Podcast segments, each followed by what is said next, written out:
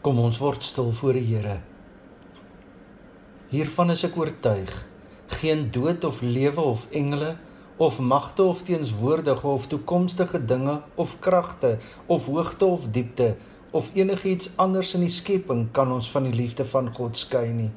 Die liefde wat daar is in Christus Jesus, ons Here. Amen. Ek groet julle in die naam van die Vader, en die Seun en die Heilige Gees vrede vir julle.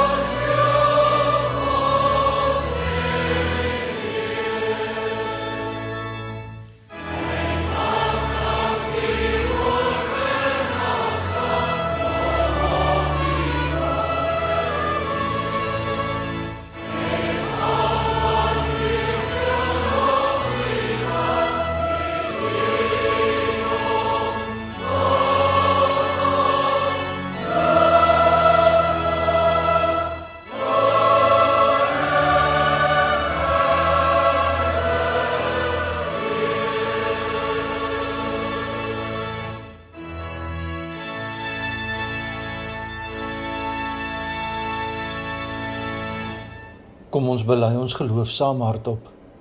Ek glo in God die Vader, die Almagtige, die Skepper van die hemel en die aarde, en in Jesus Christus, sy eniggebore Seun, ons Here, wat ontvang is van die Heilige Gees, gebore is uit die Maagd Maria, wat gelei het onder Pontius Pilatus, gekruisig is, gesterf het en begrawe is en ter helle neergedaal het, wat op die 3de dag weer opgestaan het uit die dode, wat opgevaar het na die hemel en sit aan die regterhand van God, die almagtige Vader, van waar hy sal kom om te oordeel die wat nog lewe en die wat reeds gesterf het. Ek glo in die Heilige Gees. Ek glo in 'n heilige algemene Christelike kerk, die gemeenskap van die heiliges, die vergifnis van sondes, die opstanding van die vlees en 'n ewige lewe. Amen.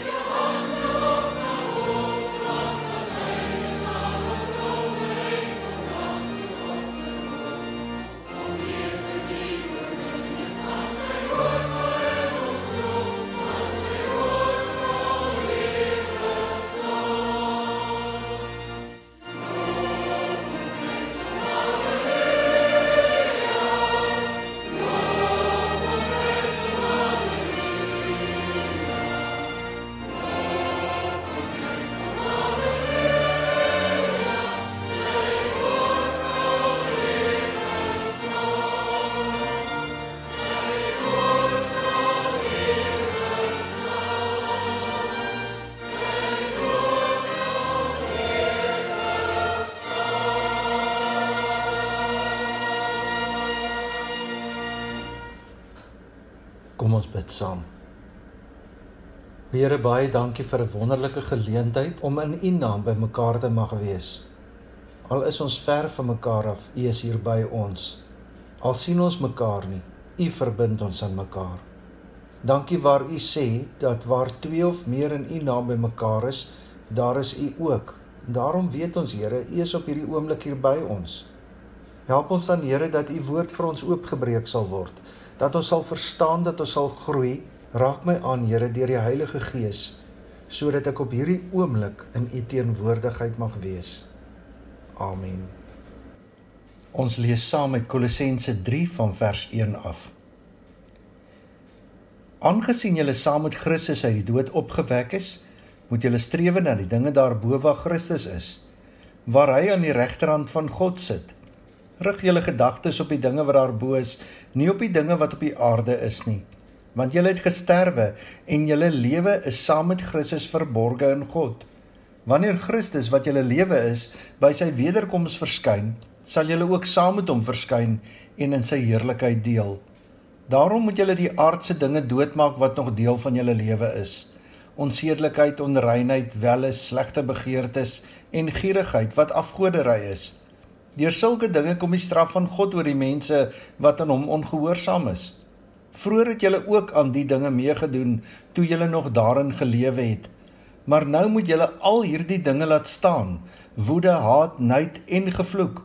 Vuil taal moet daar nie uit julle mond kom nie en moenie vir mekaar lieg nie.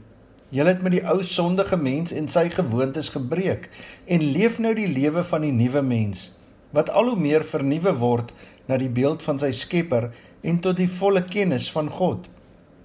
Hier is dit nie van belang of iemand Griek of Jood is nie, besny of nie besny nie, andertalig, onbeskaaf, slaaf of vry nie. Hier is Christus alles en in almal. Tot sover. Kolossense 3 verduidelik aan Christene hulle nuwe bestaan. Jy is nie meer deel van die wêreld se oorsaak en gevolg nie. Jy is nie meer deel van die sterkste sal oorleef nie.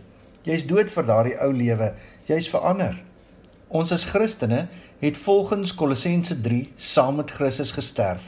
Jy's dood vir daardie ou lewe, maar as jy ook saam met Christus opgewek, jy lewe 'n nuwe werklikheid. Aangesien gelowiges saam met Christus gesterf en opgewek is, lewe hulle ook nie meer in die werklikheid van hulle ou lewens nie.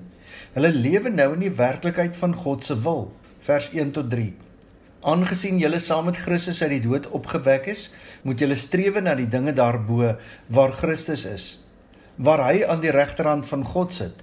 Rig julle gedagtes op die dinge wat daarbo is, nie op die dinge wat op die aarde is nie, want julle het gesterwe en julle lewe is saam met Christus verborge in God. Om in hierdie nuwe werklikheid te lewe, vra dat jy met die ou praktyke van die ou mens moet breek. Vers 5 tot 9 Daarom moet julle die aardse dinge doodmaak wat nog deel van julle lewens is. Onsedelikheid, onreinheid, welle, slegte begeertes en gierigheid wat afgoderry is. Deur sulke dinge kom die straf van God oor die mense wat aan hom ongehoorsaam is. Vroer het julle ook aan die dinge meegedoen toe julle nog daarin gelewe het. Maar nou moet julle al hierdie dinge laat staan: woede, haat, nait en gevloek. Vuil taal moet daar nie uit julle mond kom nie. En moenie vir mekaar lieg nie. Julle het met die ou sondige mens en sy gewoontes gebreek. Jy breek met hierdie ou mens want daardie ou mens is dood toe jy vir Christus ontmoet het. Maar hierdie breek is nie eensklaps nie, dis 'n daaglikse groeiproses. Moenie oorhaastig raak nie en moet ook nie moedeloos raak nie. Die verbreeking met die gewoontes van die ou mens en jou lewe as nuwe mens is alleen te danke aan die voortgaande vernuwingswerk van God self in jou lewe vers 10 sê: "Julle leef nou die lewe van die nuwe mens wat al hoe meer vernuwe word na die beeld van sy Skepper en tot die volle kennis van God." Jou verlede maak nou nie meer saak nie. Wie jy was en wie jy is, maak glad nie meer saak nie. Al wat saak maak is wie jou God is. Vers 11 Hier is dit nie van belang of iemand Griek of Jood is nie, besny of nie besny nie, andertalig, onbeskaaf, slaaf of vry nie. Hier is Christus alles en in almal. Al wat saak moet maak in jou lewe is dat Christus alles in jou word. Jou lewe word Christus se lewe of eerder Christus se lewe word jou lewe. Sy gedagtes, sy woorde, sy dade. Wanneer jy nou besig is met jou lewe en met die mense rondom jou, is jou hele fokus wat is vir Christus belangrik in dit wat jy nou doen, sê en dink. Sien die kern wat Paulus verkondig is nie net dat gelowiges saam met Christus gesterf het nie, maar dat hulle ook saam met hom opgewek is. Ons lewe nou 'n nuwe lewe. Daarom moet ons fokus op die dinge wat daarbo is, in die hemel is, waar Christus regeer. Laat U wil geskied. Anders gestel, hulle moet volgens Jesus se wil leef en nie volgens hulle eie begeertes nie. Jy is nie oorgelewer aan drange en begeertes nie. Ons as Christene lewe volgens Jesus se wil en nie volgens ons begeertes nie. Ons lewe volgens God se wil omdat ons saam met Christus gesterf het en saam met Christus opgewek is. Ons lewe dus volgens die wil van God omdat ons gered is en nie om daardeur gered te word nie.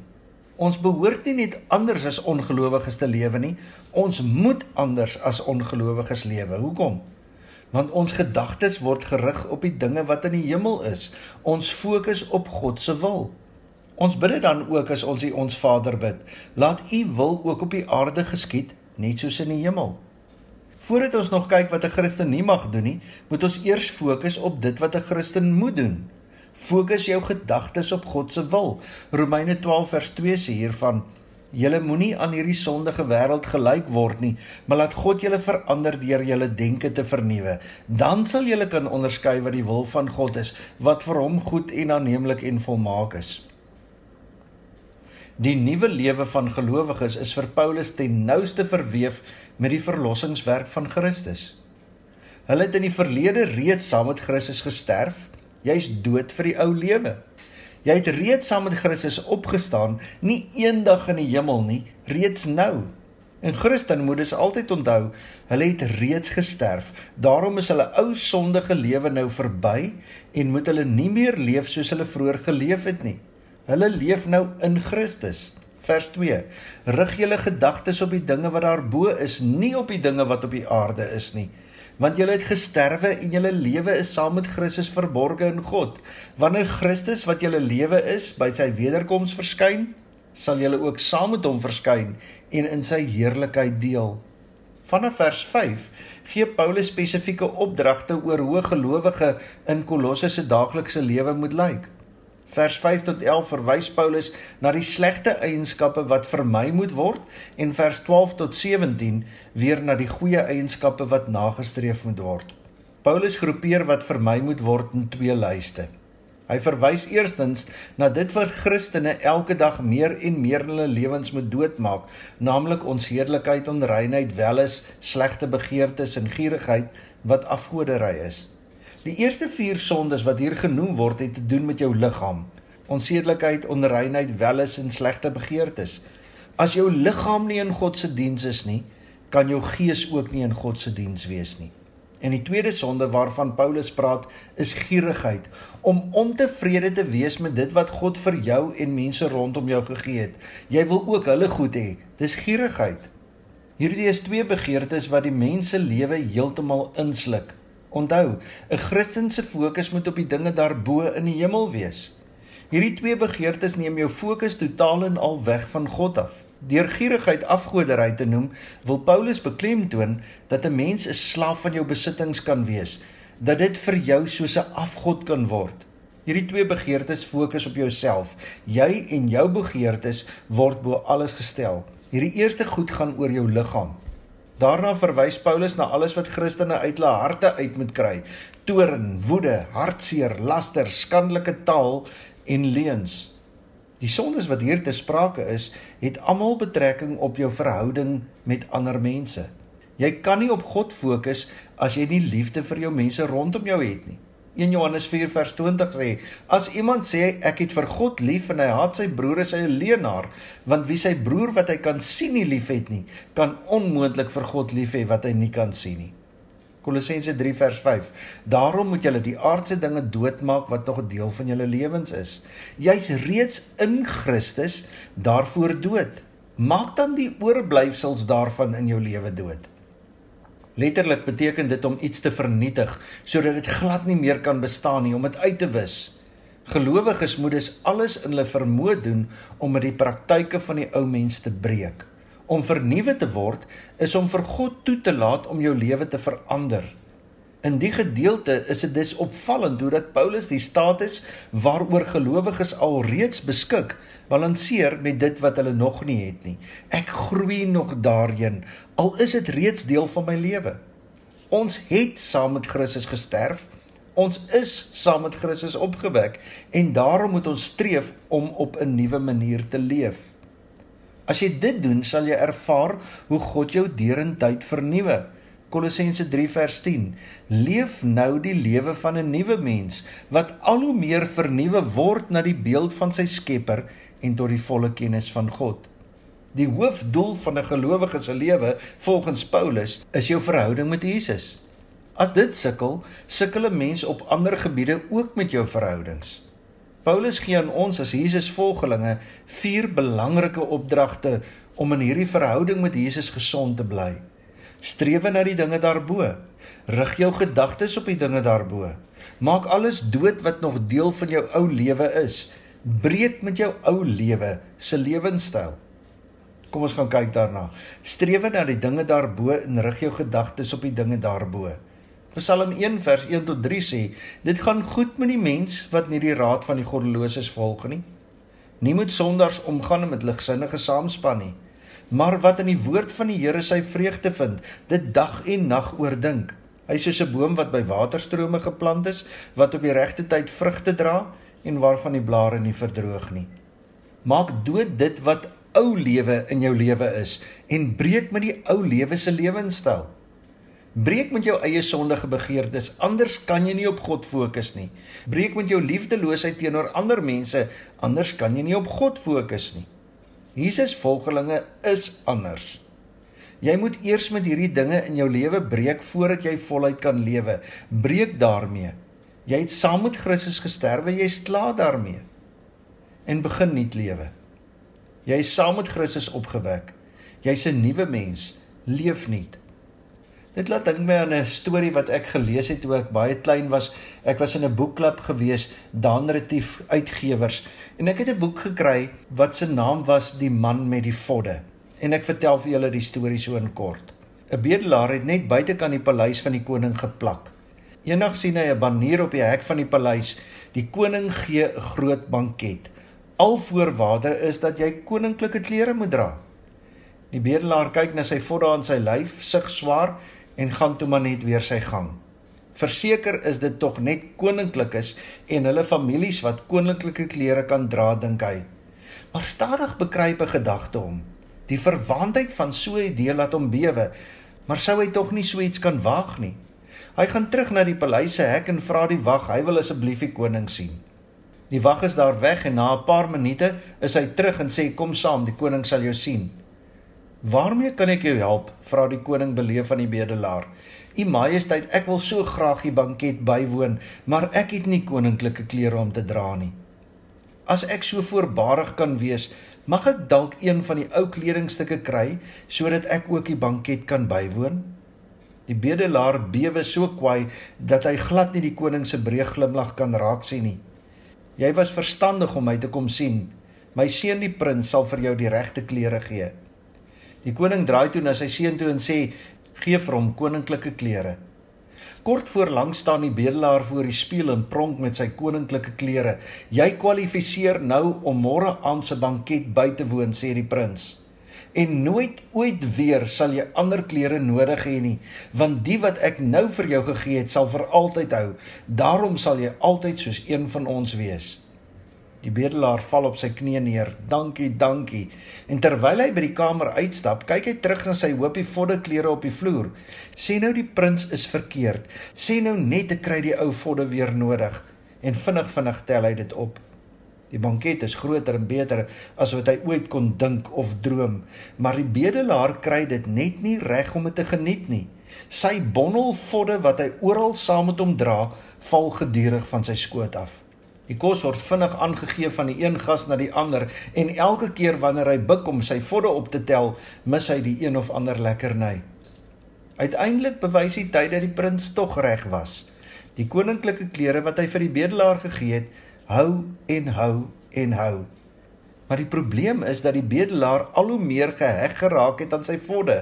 Hy sleep dit oral saam. Later sien die mense nie meer die koninklike klere raak nie, net die vodde in sy hand en hulle noem hom die ou man met die vodde. Op sy sterfbed kom hy tot die besef sy vrees om sy ou lewe te los, sy vasklou aan sy vodde klere het hom 'n lewe van vryheid gekos. Is dit nie ook maar hoe ons lewe nie?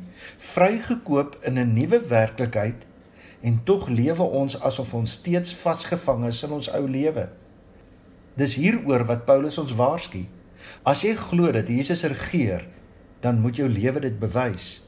As jy glo dat jy gered is, dan moet jou lewe dit bewys. Kolossense 3 vers 1 tot 5. Aangesien julle saam met Christus uit die dood opgewek is, moet julle streef na die dinge daarbo waar Christus is, waar hy aan die regterhand van God sit. Rig julle gedagtes op die dinge wat daarbo is, nie op die dinge wat op die aarde is nie. Want julle het gesterwe en julle lewe is saam met Christus verborge in God. Wanneer Christus wat julle lewe is by sy wederkoms verskyn, sal julle ook saam met hom verskyn in sy heerlikheid deel.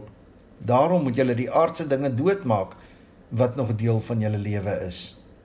Amen. Kom ons bid saam. O Here, U het vir ons gesterf.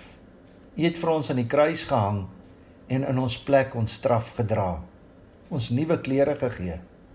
Ons skoon gewas En tog Here is ons so geneig om die vodde van ons ou lewe saam met ons te sleep en weer aan te trek en weer te dra.